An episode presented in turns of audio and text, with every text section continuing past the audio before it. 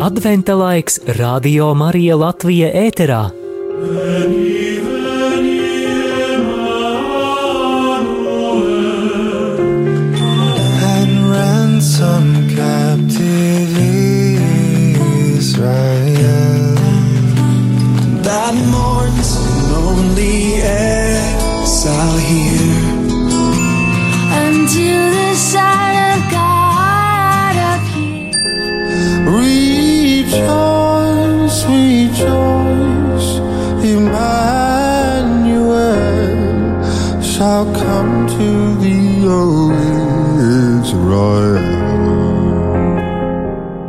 Vēro kā aug jēzus koks.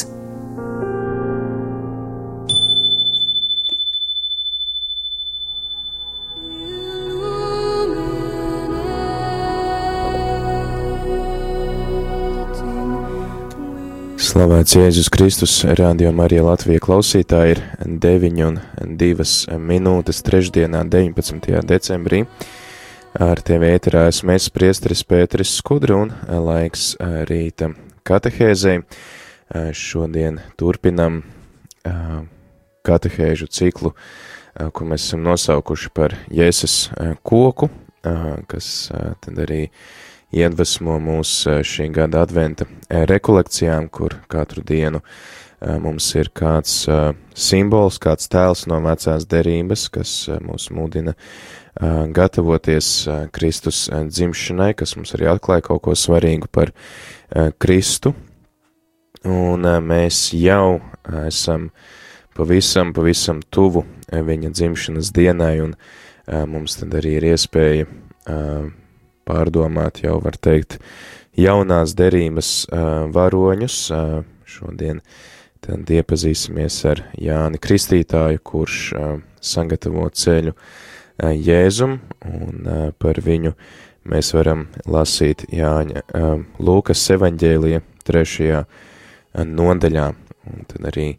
pēc tam klausīsimies šīs dienas impulsu, kas ir balstīts uz pārdomām par šo nodaļu.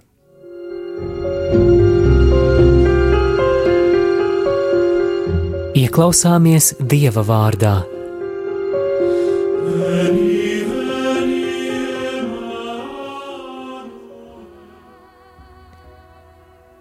Cēzara Tibērija 15. valdīšanas gadā, kad Poncijas Pilāts bija vietvaldis Jūdejā un Hērods tetrārhs Galilejā un Filips viņa brālis tetrārhs Itūrējas un Trahīdijas semēs un Lisānijas tetrārhs Abilēnē, augsto priesteru Hannes un Kajafas laikā Dieva vārds nāca tuksnesī pār Jāni Zahārija dēlu. Viņš gāja pa visu Jordānas apvidu sludinādams grēku nožēlas kristību grēku piedošanai, kā rakstīts pravieša izseja grāmatā, saucēja balss tuksnesī, sagatavojiet kungam ceļu, dariet līdzenas viņa takas, katra ielēja, lai top piepildīta, un katrs pakalns un paugurs, lai tiek nolīdzināts, līkumi, lai top taisni un grambas par līdzenu ceļu, un visa miesa redzēs dieva pestīšanu. Un ļaužu pūļiem, kas nāca pie viņa, lai viņš tos kristītu, Jānis runāja: Jūs oģu dzimums, kas jūs ir mācījis bēgt no tumsības, kas nāks? Tad nu neesiet cieni, tad nesiet cienīgus atgriešanās augļus un nesāciet atkal viens otram teikt, mums Ābrahams ir tēvs. Es jums saku, Dievs spēja no šiem akmeņiem radīt Ābrahama bērnus. Cirvis jau pielikts kokiem pie saknes, katrs koks, kas nenes labus augļus, tiek nocirsts un iemests ugunī. Ļaudis viņam jautāja, ko lai mēs darām? Viņš tiem atbildēja, kam divi svārki, lai dotu tam, kam nav, un kam ir ko ēst, lai dara tāpat. Arī muitnieki nāca, lai tiktu kristīti, un tie viņam jautāja, skolotāji, ko lai mēs darām? Tiem viņš sacīja, neņemiet vairāk, kā jums noteikts. Arī kārievi viņu izjautāja, un mēs, ko lai mēs darām? Un viņš tiem sacīja, neizspiediet naudu, neapsūdziet nepatiesi, bet esiet mierā ar savu algu. Kad ļaudis gaidīdami savās sirdīs domāja par Jāni, vai viņš tik nav Kristus, Jānis viņiem visiem atbildēja: Es jūs gan kristīju ūdenī, bet nāks kāds spēcīgāks par mani, kam es neesmu cienīgs atraisīt sandaļu siksnas. Viņš jūs kristīs svētajā garā un ugunī. Ar vētekli rokā viņš iztīrīs klonu un savāks kviešus savā klētī, bet pelavas sadedzinās neizdzēšamā ugunī. Vēl daudz citu pamācību Jānis deva ļaudīm sludinādams evaņģēliju, bet tetrārs Hērods, kuru Jānis apsūdzēja viņa brālis sievas Herodijas dēļ, un par visu, ko Hērods bija ļaunu darījis, un pievienojis saviem ļaunajiem darbiem vēl arī to, ka iemeta Jāni cietumā.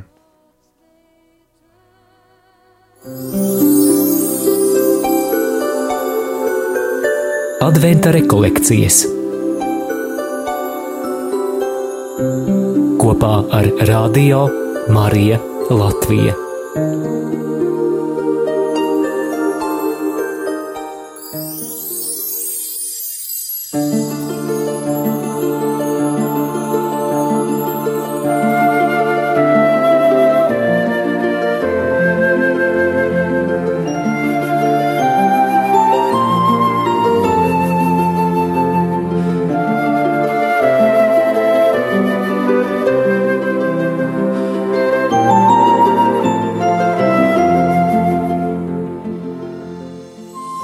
Jānis Kristītājs, viena no Bībeles lielākajām figūrām, pavada mūsu adventa laikā. Mateja evanģēlijā lasām, ka Jēzus nāca pie Jāņa Jordānas krastos, lai tiktu viņa kristīts, bet Jānis tam pretojās. Pēc tam, kad Jānis to atļāva, lūk atvērās debesis, un dieva gars kā balodis nolaidās pāri viņu. Atvērtas debesis Svētais gars baloža veidā un, protams, balss, kas atskan, ir zīmes, kas atklāja Jēzus identitāti un raksturo viņa misiju. Pieņemot kristību, katrs kristītais saņem Kristu apslēptu dzīvi un uzdevumu - ļaut šim Dieva vārdam iemiesoties kristītā dzīvē. Šāds Dieva tuvums mudina kristieti būt atvērtam un solidāram pret to, kas ir labs un patiess. Tam nenoslēgties personīgajā morālē, bet izkopt likumus un mācītos nākamajai paudzei integrēt savā mentalitātē, bet vērtības savā domāšanas veidā un uzlūkojot to, kas ir labs, tiesāt taisnīgi. Svētais Augustīns runājot par Jāni Kristītāju saka, viņš ir balss bet ja balsī atņem vārdu, kas vairs no tā atliek? Kur nav saprotama jēga, tas, kas atliek, ir vienīgi neskaidra skaņa. Adventa laika liturģiskie teksti un simboli aicina mūs izmainīt savu ceļu. Tas ir mainīt savu pasaules uzskatu sistēmu, vērtību modeli un to saskaņot ar kristības solījumiem lai mēs būtu balss, kas izsaka Kristu.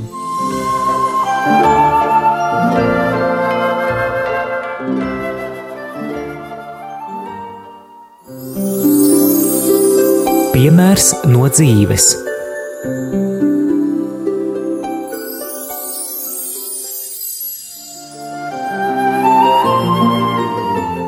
Manā dzīvē ļoti liela nozīme ir bijusi svētā gara kristībām. Tas bija kāds astoņus gadus atpakaļ Rīgas Terēzes no bērna Jēzus draudzē Alfa kursa ietveros. Vēl šodien ļoti spilgti atceros, ka pie manis pienāca Alfa kursa kalpotāja un teica, vai šodien esmu gatavs svētā gara kristībām, un galvenais nosacījums ir, ka man sev visu ir jādod Jēzum. Man tajā laikā piederēja internetu veikals un galvā skrēja simtiem domu, ka nu es par kādiem 50% varētu sev jēzumu dot, jo to biznesa daļu es taču pati zinu, kā un ko darīt. Un vēl skatoties uz mani, šī meitene teica, tev sev visu jādod, pilnīgi visu. Bija šausmās, ko lai tagad dara, varbūt, kad jāmok ir. Un pāriešanas brīdī no draudzes nam uz kapelu man likās, ka manas kājas ir tonām smagas un savažotas un nemaz nevar paiet. Tas bija mans smagākais ceļš, lai gan viņš ir dažu, dažu metru attālumā. Iejot kapelā, tur skanēja tik skaista mūzika, ka tā manī atrāva mans asaru kanāls, kā slūžas, un es zināju, ka vēlos sev visu atdot dievam. Un īstenībā caur šo brīdi mūsu dzīve mainījās par 360 grādiem, esam ieguvuši neskaitāmas dievu žēlastības un varam būt patreiz patiesi laimīgi, ka toreiz nenobijāmies un atsaucāmies šim aicinājumam. Šīs dienas simbols gliemežvāks ļoti precīzi parāda kristības būtību. Apkārt balts, stingrs, ietvers, tāds kā visa pamats, bet iekšā brīnišķīga, visdārgākā pasaules pērle.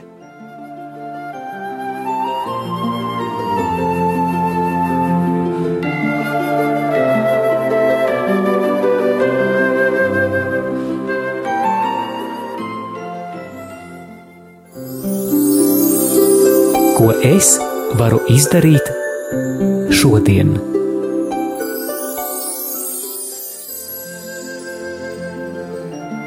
Mūsos dzimst jautājums, ko lai iesākam ar saņemto kristību.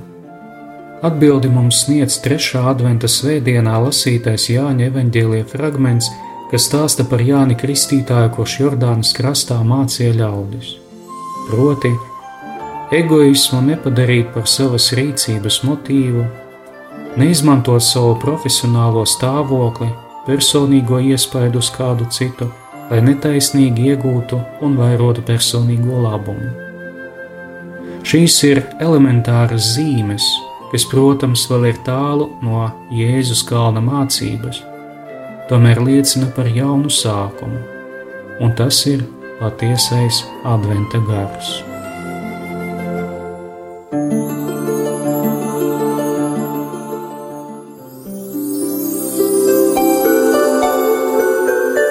Adventa rekolekcijas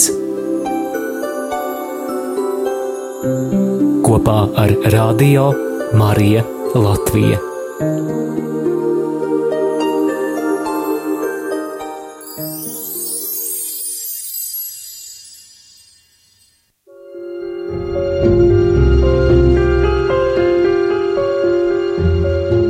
Adventa katehēze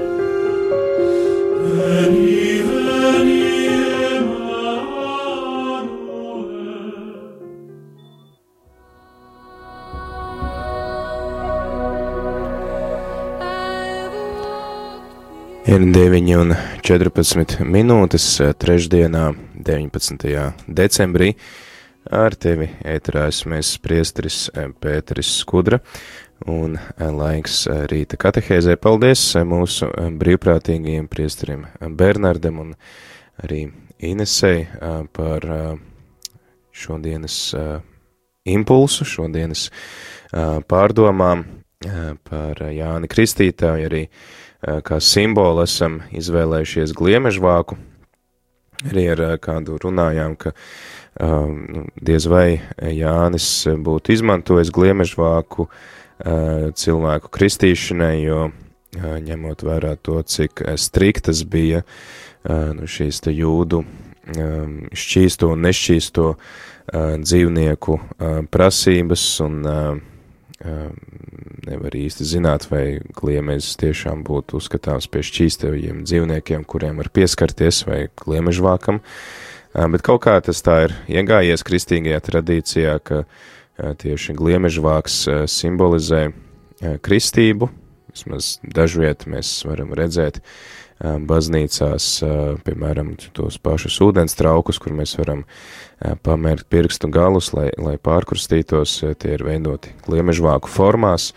tad, tad tas mums kaut kā gluži dabiski asociējās ar ūdeni, un arī kā Inese norādīja pārdomās par to, ka tas tāds arī nu, simbols kristīmē kaut kas tāds ciets, sargā kaut ko iekšā ļoti trauslu un, un svarīgu. Tad, jā, šodien pievēršamies Jāņa tēlam, Jānis Kristītājs, par kuru mēs zinām, ka viņš ir bijis tāds ļoti askētisks vīrs, ir sludinājis jūdejas tuksnesī, sludinājis dieva tiesu, aicinājis atgriezties un nožēlot grēkus, Viņš ir bijis tāda pazīstama persona savā laikā, un cilvēki ir devušies pie viņa, lai klausītos, sekot viņa mācībai, lai saņemtu arī viņa kristību. Viņš ir arī bijis ļoti radikāls gan savā paša dzīvesveidā, gan arī savos izteicienos, jo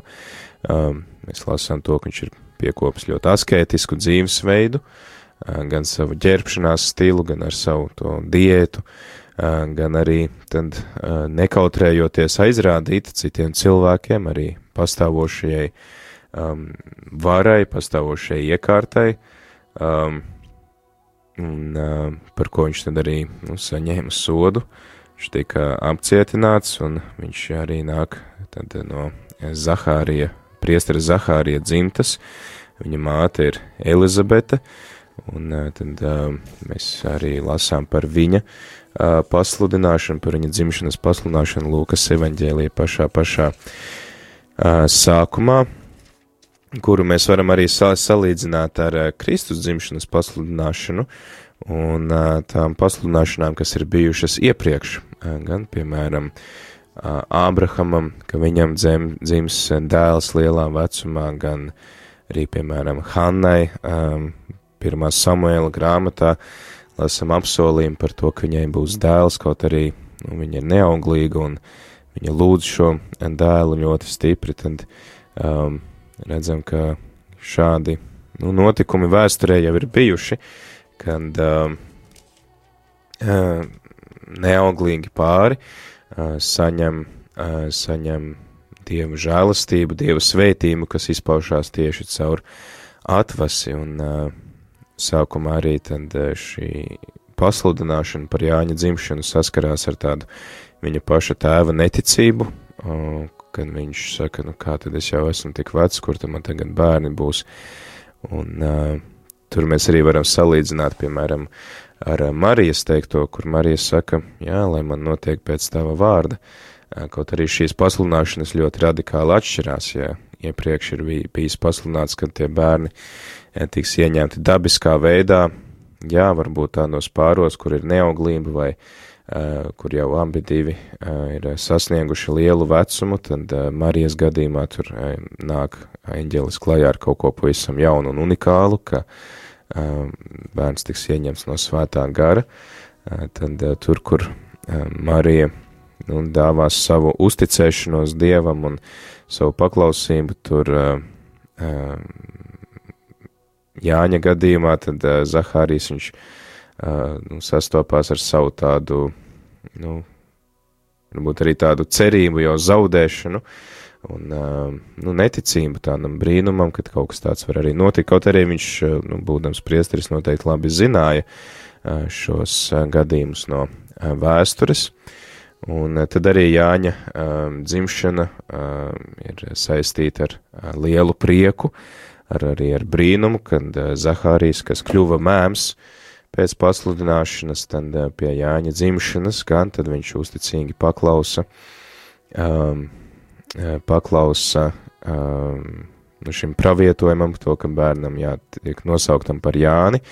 un tad arī tiek piedzīvots brīnums, viņš viņa mēli atrēsās, viņš sāk runāt, mēs vēl par eh, Jāņa vecākiem runāsim, adventa rekolekcija šī Jēzus koka ietvaros, gaidot Jēzus dzimšanu, Bet tad, kāpēc Jāņa vārds ir tik svarīgs, ka viņa, jā, šie tuvinieki aicina nosaukt bērnu viņa tēva vārdā, māte ar, ar tēvu tomēr uzstāja, ka ne, viņa vārds būs Jānis, tad šis vārds nozīmē Dievs apžēlo, vai Dievs izredz, Dievs dāvā savu labvēlību, un jā, tad to, ka Dievs tā arī ir tā Jāņa misija sagatavot vietu Kristum, kurš tad arī tiešām apžēlo visus cilvēkus, kurš vēlas svētīt, svētīt visus cilvēkus un tos jā, tiem dāvāt savu žēlastību, un mēs redzam arī to, kāds liels prieks ir saistīts ar Jāņa nākšanu pasaulē, un tika pat arī mēs varam vilkt paralēlis ar to prieku, vēl lielāku prieku, kas ir saistīts ar Kristus nākšanu pasaulē. Jo, ja sākumā mēs ar to, nu, mēs par to galīgi nevaram runāt, jā, jo Jēzus ienāk pasaulē lielā trūkumā, uh, viņu apmeklē pāris gani, un, un, un tad pēc tam viņam ir jābēg trimdā, nekas tāds priecīgs, bet bet tādā kopējā kontekstā mēs redzam, ar kādu prieku mēs šodien sagaidām Kristus dzimšanu katru reizi, kad tuvojas Ziemassvētki, mēs gaidām viņa nākšanu pasaulē, un mēs redzam to, ka visi debesu kori priecājās, tā ka viņi pasludina ganiem labo vēsti, visi šie kori priecājās, un dzied šo slavas dziesmu, gods Dievam augstībā, jo tad karalis ir dzimis, pasaules glābējs ir dzimis. Un Jānis Kristītājs tad būs tas, kurš sagatavo ceļu šai, šim glābējam, un par to tad mēs pārunāsim pēc dziesmas.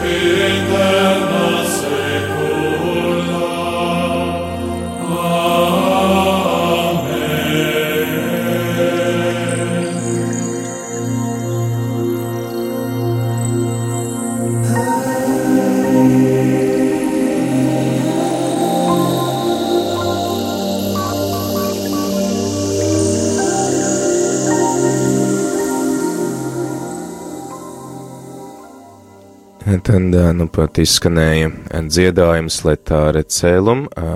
priecājieties debesis, skola kantorum Rīga izpildījumā, ar tiem ēterā joprojām esmu mēs priestris Pēteris Skudra un turpinam rīta katehēzi, kurā runājam par Jāna Kristītāju, un iepriekš tad arī minēja to, ka viņa vārds nozīmē to, ka Jahve apžēlo vai Jahve izredz, izvēl, dāvā savu žēlastību, Un eh, arī runājam par to, ka Jāņa Kristītāja nākšana pasaulē ir saistīta ar, ar tādu uh, nu, brīnumu, un, un, un tad arī viņa misija ir īpaša sagatavot uh, Kristumu uh, ceļu.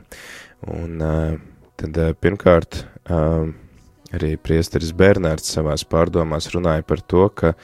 viņš arī atsaucās šeit uz uh, baznīcas tēvu tradīciju, kas runā par to, ka uh, Jānis Kristītājs ir kā balss, kurš tad, caur kuru izskan vārds, un vārds, kas ir mūžīgs vārds, un, un balss, kas tikai dod skaņu, un ka šeit ir svarīgi ieklausīties tajā saturā, ko šī balss saka, un arī Bībeles komentētāji saka, ka runājot īpaši Lūkas, runājot par Jāni, mudina tās savas draudzes un uh, ka viņš uh, Jāni parāda kā tādu paraugu uh, savām tām baznīcām, kurām viņš raksta, uh, ka tās ir aicinātas atdarināt Jāni, sagatavot Jēzum uh, ceļu, ka uh, baznīca pati nav mesija, bet tā cilvēkus veda pie mesijas, ka tā ir kā balss, uh, kura tad izsaka šo vārdu, šo mūžīgo vārdu, kas pārveido cilvēkus, un lai arī tad, ko Jānis sludinātu, viņš to vienmēr pakārto tam, kas nāks pēc viņa. Un man liekas, tas tāds ir spēcīgs, spēcīgs salīdzinājums, ja, ka tad, kad arī mēs runājam, uh, balss ir svarīga tikai tik daudz, lai tā ļautu izskanēt vārdam, un pats svarīgākais ir tas vārds, saturs, ko mēs pasakam, jo, ja nav satura, tad balss, nu, ir vienkārši tāda kliekšana, kaut kāda vāvuļošana, un tam nav nekādas vērtības, bet savukārt šim vārdam ir nepieciešams izskanēt, Jā, jo, ja nav balss, tad tas vārds nevar izskanēt, bet, teiksim, attiecībās pret to vārdu, kas tiek izteikts, un balsi, kas to izsaka, tad, protams, ka svarīgākais ir vārds, un arī mēs kristieši, mēs esam aicināti būt kā Jānis Kristītājs, tie, kas dod balsi šim Dieva vārdam. Arī mēs varam atcerēties apustuņa Pāvila vēstuli romiešiem, kur viņš saka, ka ticība nāk no klausīšanās, un uh, no dzirdēšanas. Tātad, lai dzirdētu, ir vajadzīgs kāds, kas sludina, bet tas, kurš sludina, viņš sludina nevis sevi, nevis kaut kādu savu gudrību, bet viņš vienkārši dod balsi šim Dieva vārdam, kurš tad arī uzrunā to cilvēku, jo tā mūsu runāšana arī var būt nu, vispārliecinošākie vārdi, bet ja tie nav piepildīti ar saturu, ja tie nav piepildīti ar Kristu, tas cilvēks to ticību nekad nu, neiemantos. Uh, Tad beigās es tāpat arī tā mūsu sludināšana baznīcas misija tāpat ir Dieva darbs, jo tā, tas ir vienkārši Dieva vārds, kas izskan pateicoties baznīcas sludināšanai. Es domāju, ka tas ir tāds, tāda svarīga atziņa, ko mēs esam aicināti paturēt, un Lūkas evaņģēliju šodien lasam arī mēs, tad arī mums tas vārds ir pierakstīts, un arī es šodien, un arī tu klausītāji, mēs varam ņemt Jāni Kristītāji kā paraugu priekš sevis tieši šajā Dieva vārda sludināšanā, ka ne tik daudz man ir svarīgi eh, tas, ko par mani padomā, tas kāds ir mans tēls un um, ka man pievērš uzmanību, tad, tad es norādu uz Kristu, es norādu uz to, kurš var glābt cilvēku, un es viņam dodu vienkārši balsi, es viņam ļauju nākt pasaulē, uh, pats paliekot, jo arī, piemēram, mēs varam pārdomāt to, kādu uh, iespēju uz mums atstāja vārds, ja, kad kāds pasaka kādu vārdu, tā balss viņa izskan un, un tā skaņa beidzās, bet tas vārds pats bieži vien mēdz atbalsoties mūsos un tas saturs paliek mūsu prātā, mūsu domās, mūsu sirdī, eh, kuru mēs pēc tam arī pārdomājam, tas mūs vai nu iepriecina, vai,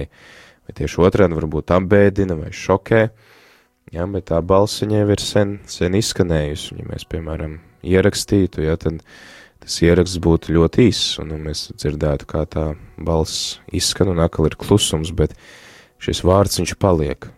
paliek mūsu atmiņā, paliek tie iespaidi par tieši to vārdu, to saturu, kas mums tiek dāvāts. Un arī tad Lūkas atsaucās uz praviešu izseja grāmatu, ka Jāņa Kristītāja sludināšana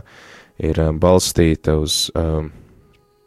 izseja pravietojumu saucēja balss tuksnesī, sagatavojiet kungam ceļu, dariet līdzenas viņa takas, katra ielēja, lai top piepildīta, un katrs pakalns un paugurs, lai tiek nolīdzināts līkumi, lai top taisni un grāmbas par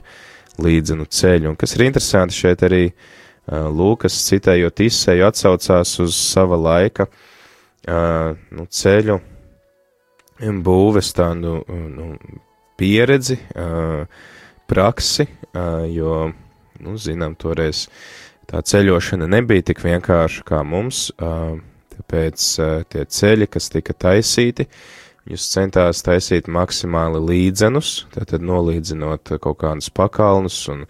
aizbarot ielejas, īpaši šos karaliskos ceļus, kur bija paredzēts karalim pārvietoties, lai viņam šis ceļš būtu nu, maksimāli vienkāršāks, vieglāks, jā, jo tas bija jāveic vai nu pajogā, vai ar kājām, un to, protams, tad ir vieglāk veikt, tad, ja tas ir līdzeņš. Šodien mums nu, nav no svara, kādi ir tie ceļi, varbūt tik ļoti, jo mēs arī attālākus gabalus varam veikt iesēžoties lidmašīnā vai mašīnā, bet arī tāpat. Uh, piemēram, mums ir tā pieredze, ka ejot svētceļojumā, ja mēs zinām, kā tas ir, kad tev priekšā ir līdzens ceļš vai ja tev ir kalnains ceļš un uh, Un uh, tas nogurdina, um, tas uh, varbūt arī var likt zaudēt uh, nu, kaut kādu drosmi un, un, un padoties, kad visu laiku augšā, lejā, augšā, lejā jāiet kaut kur. Īpaši tie, kas varbūt iet no prēļu puses aglonā iekšā, ir pieredzējuši, tur ir tādi tiešām līkumi un, un, un ielejas un pauguri,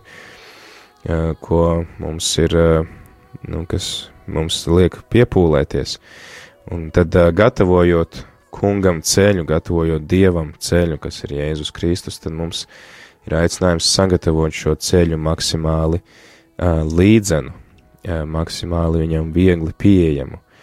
Un tad arī interesanti, ka pie Jāņa nāk tad arī dažādi uh, cilvēki, kuri, uh, kuri uh, varbūt tad arī ir, uh, nu, tādi nu,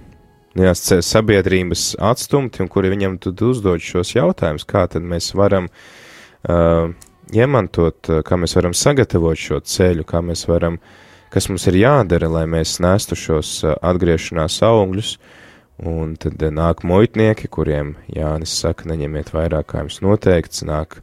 karavīri, kuriem viņš saka, tad uh, neapspiediet nevienu un neapsūdziet nevienu nepatiesi, esiet mierā ar savu algu, un tāpat arī viņa šī sludināšana ir saistīta arī ar tādu morālu atgriešanos, ka viņš saka, nesiet cienīgus atgriešanās augļus, un nesāciet atkal viens otram teikt, mums Abrahams ir tēvs, es jums saku, Dievs spēj no šiem akmeņiem radīt Abrahama bērnus. Jā, tad viņš saka, um, kam divi svārki, lai dot tam, kam nav, un kam ir ko ēst, lai dara tāpat. Tātad šis aicinājums uz atgriešanos, un vispilnīgākā veidā, protams, ka to atgriešanos sludina Jēzus Kristus, kurš arī parāda to, tos atgriešanās, nu, to, kas mūs gaida, ja mēs piedzīvojam atgriešanos, mūs gaida šī Dieva valstība, mūžīgā dzīve, tad arī Jānis saka, nepietiek to, ka tu sevi sauc, ka tu esi Ābrahama bērns. Uh, Ja, ka tu nāc no izredzētās tautas, šodien pārfrāzējot, varētu teikt, nepietiek to, ka tu esi kristīts katolis, to, ka tu piederi baznīcai, bet tev ir ikdienas jānes šī atgriešanās augļi. Ja, ka tā tad ikdienas tu piedzīvo atgriešanos, grēku nožēlu un, un šo sirds pārmaiņu, un esi gatavs tad arī nu, tuvoties Dievam, novēršoties no jebkāda ļaunuma, novēršoties no jebkāda grēka, nejūt taisnības ceļu, un kas ir interesanti, ka tieši uh, kā tādus uh, nu, tos svarīgākos atgriešanās augļus Jānis min tieši žālsirdības darbus, kam divi svārki, lai dotam, kam nav, un kam ir ko ēst, lai dara tāpat, ka tātad šis aicinājums dalīties un uh, praktizēt žālsirdības darbus ir tas, kas arī norāda uz mūsu uh, atgriešanos, vai mēs esam piedzīvojuši atgriešanos un grēku nožēlu, vai arī nē. Un tad tas uh, um, kritērijs ir žēlsirdības darbi, un arī vēlāk mēs, ja lasīsim, piemēram, Mateja evaņģēlija 25. nodaļu, mēs lasām to, ka Jēzus saka, tie, kas iemantos, tie, kas būs tie kritēriji, pēc kuriem tiks izvērtēts, vai tu iemantosi debesu valstīm vai nē. Tieši tā, žēlsirdības darbi ja, ka jūs mani pabarojāt, padzirdījāt, es biju cietumā, jūs mani apmeklējāt, es biju slims, un jūs man arī nācāt ciemos. Um, Tātad caur žālsirdības darbiem izpaužās mūsu ticība. Tātad mūsu ticība nav kaut kāds tīri individuāls, uh, te nav tīri individuāls raksturs. Mūsu ticība ir uh, saistīta arī ar attiecībām ar citiem cilvēkiem. Mūsu personīgās attiecības ar Dievu izpaužās caur attiecībām ar citiem cilvēkiem. Tātad mūsu ikdiena, mūsu sadzīve ir pārveidota Dieva vārdi. Tātad, ja es esmu atgriezies, un es piedzīvoju uh, šo grēku nožēlu un, un piedzīvoju Dieva klātbūtni savā dzīvē, tas pārmaina arī manu ikdienu, tas pārmaina manas attiecības ar citiem cilvēkiem, tas ietekmē ik, jā, jebko, ko es daru un, un ar ko es saskaros. Un eh, tad arī mēs šodien varam pārdomāt to, vai es piedzīvoju savā dzīvē atgriešanos, vai es esmu gatavs saņemt šo atgriešanās žēlastību, vai es vēlos atgriezties. Un arī svarīgi tas, ka svētajos rakstos šī atgriešanās, tas uh, ir saistīts ar šo domāšanas maiņu, ar sirds nostājas pārmaiņu. Ka es nevis domāju, uh, to, kas man ir izdevīgāk, vai ka es um, um, nu, turu kaut kādas noteiktas uh, nostādnes attiecībā pret citiem cilvēkiem, bet ka es esmu gatavs visu laiku to um, nu, mainīt saskaņā ar Dieva prātu, ka es esmu gatavs novērsties no tā, ko es esmu darījis visu dzīvi, ja tas nav patīkams Dievam, ka tā mana sirds, kas viņu esmu gatavs pārveidot, nepārtraukt, lai tā būtu maksimāli līdzīga Jēzus sirdī, Dieva sirdī, kas mani mīl, kas katru no mums mīl ar neizsakāmu mūžīgu eh, mīlestību, un mēs to esam aicināti tad arī andarināt. Un vai mēs arī nesam taču šos atgriešanās augļus? Un kas ir mani atgriešanās augļi un kā tie izpaužās? Tad varam arī pateikties Dievam par šiem augļiem un, un lūgt, lai mēs nestu vairāk atgriešanās augļus. Un, um, jā, kā tad tā mana ticība un kā tā mana pievēršanās Dievam un novēršanās no grēka, kā tā izpaužās manā ikdienā. Un tad arī eh, varam pārdomāt, eh, kā jau iepriekš arī minēja, Lūkas raksta eh, par Jāni savām tām draudzēm, kā tā, lai viņu stādītu priekšā kā tādu paraugu baznīcām, kuras ir aicinātas sludināt Kristu, un kā notiek mana sludināšana, vai es arī esmu gatavs kā Jānis paiet malā Dieva vārda priekšā un kalpot par Dieva balsi, caur kuru var izskanēt šis Dieva vārds. Kalpot par uh, to lukturi, ja arī, piemēram, Jāņos, kad mēs svinam Jāņa Kristītāja dzimšanas svētkus, mēs dedzinam šos ugunskurus, ja, ka tie ir kā simbols, ka Jānis, kas ir kā, kā lukturis vai kā ugunskurs, kas mums palīdz pārlēst nakti, lai sagatavotos saulēktam, lai sagatavotos tai īstajai saulei, īstajai gaismai, kas mums dāvā gaismu, siltumu, drošību, un gaismas, eh, protams, eh, šī, teiksim, saule simbolizē Kristu. Un eh, ka arī mēs, baznīcas, ka mēs esam aicināti būt par tādu drošības saliņu, drošības ostu cilvēkiem, kuri meklē Dievu, un ka viņi, var tā teikt, pārlaiž šo nakti, mūsu draudzēs lai pēc tam piedzīvotu satikšanos ar Kristu. Ja, ka tā tad neviens pēc tam nepievērš uzmanību ugunskuram, vai neviens, ne, kā jūs arī iepriekš minējāt, neviens nepievērš uzmanību balsī šai skaņai, bet visi pievērš uzmanību saturam, visi pievērš uzmanību tam, kas ir paliekošs šai jaunajai dienai, saulē, kas nenoriet, kas ir Kristus, ja, ka arī mēs esam aicināti nest Kristu citiem cilvēkiem. Arī mātei Terēzē kādreiz jautāja, kas ir svarīgākais, un viņa arī tam žurnālistam atbildēja, lai cilvēki, uzlūkojot mani un tevi, varētu piedzīvot Kristus klātbūtni savā dzīvē, lai viņi var satikt Kristu. Un tas arī tad var būt tāds aicinājums mums, vai es uh, ar savu klātbūtni nesu Kristu citiem cilvēkiem, vai viņi var piedzīvot Kristu savā dzīvē, un arī mēs esam aicināti tad uh, sagatavot šos ceļus Kristum, viņa nākšanai vēl ir pēdējā nedēļa palikusi, vēl nav par vēlu, lai tad aizpildītu tās ielejas, kas ir tukšas, ja, varbūt es redzu to, ka manā dzīvē pietrūkst Dieva vārda lasīšanas vai pietrūkst lūkšanas, tad es varu aizpildīt šīs ielejas ar svēto rakstu lasīšanu, ar personīgo lūkšanas laiku, um, es varu nolīdzināt šos kalnus, šķēršļus, kas dievam traucē nākt pie manis ar labu grēksūdzi un atsakoties no šī ļaunuma. Un, jā, visbeidzot arī skatīties, kā es varu piedzīvot dieva klātbūtni savā ikdienā. Jo arī tie cilvēki, kas nāk pie Jāņa, viņš viņiem nesaka, kļūstiet tā kā es, ejiet tuksnesī, dzīvojiet askētisku dzīvi. Nē, viņš saka vienkārši tas, ko jūs darat, dariet labi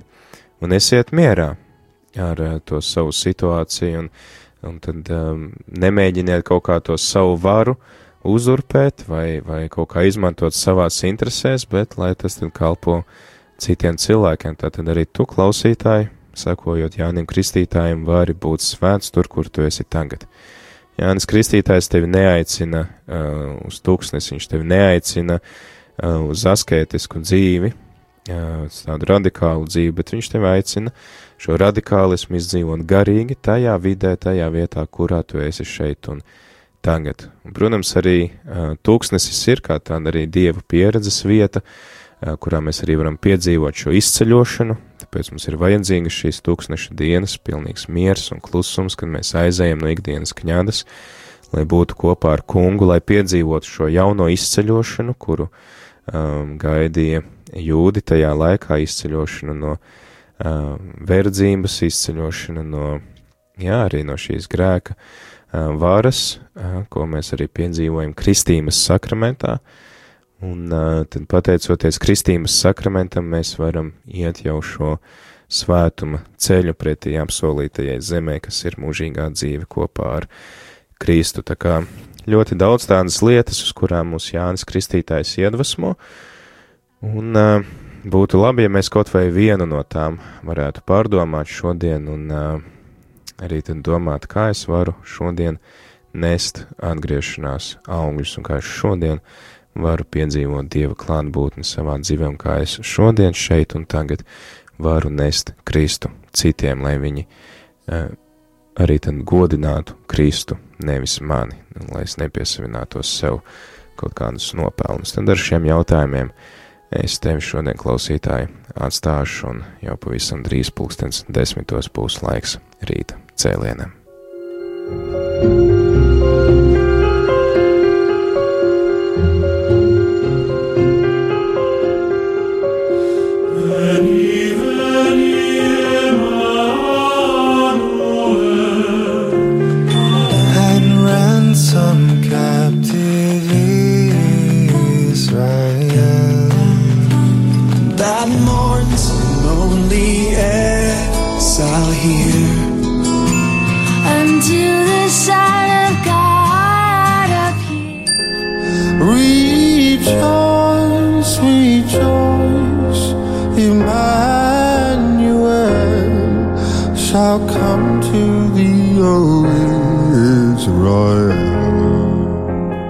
Vēro kā aug jēses koks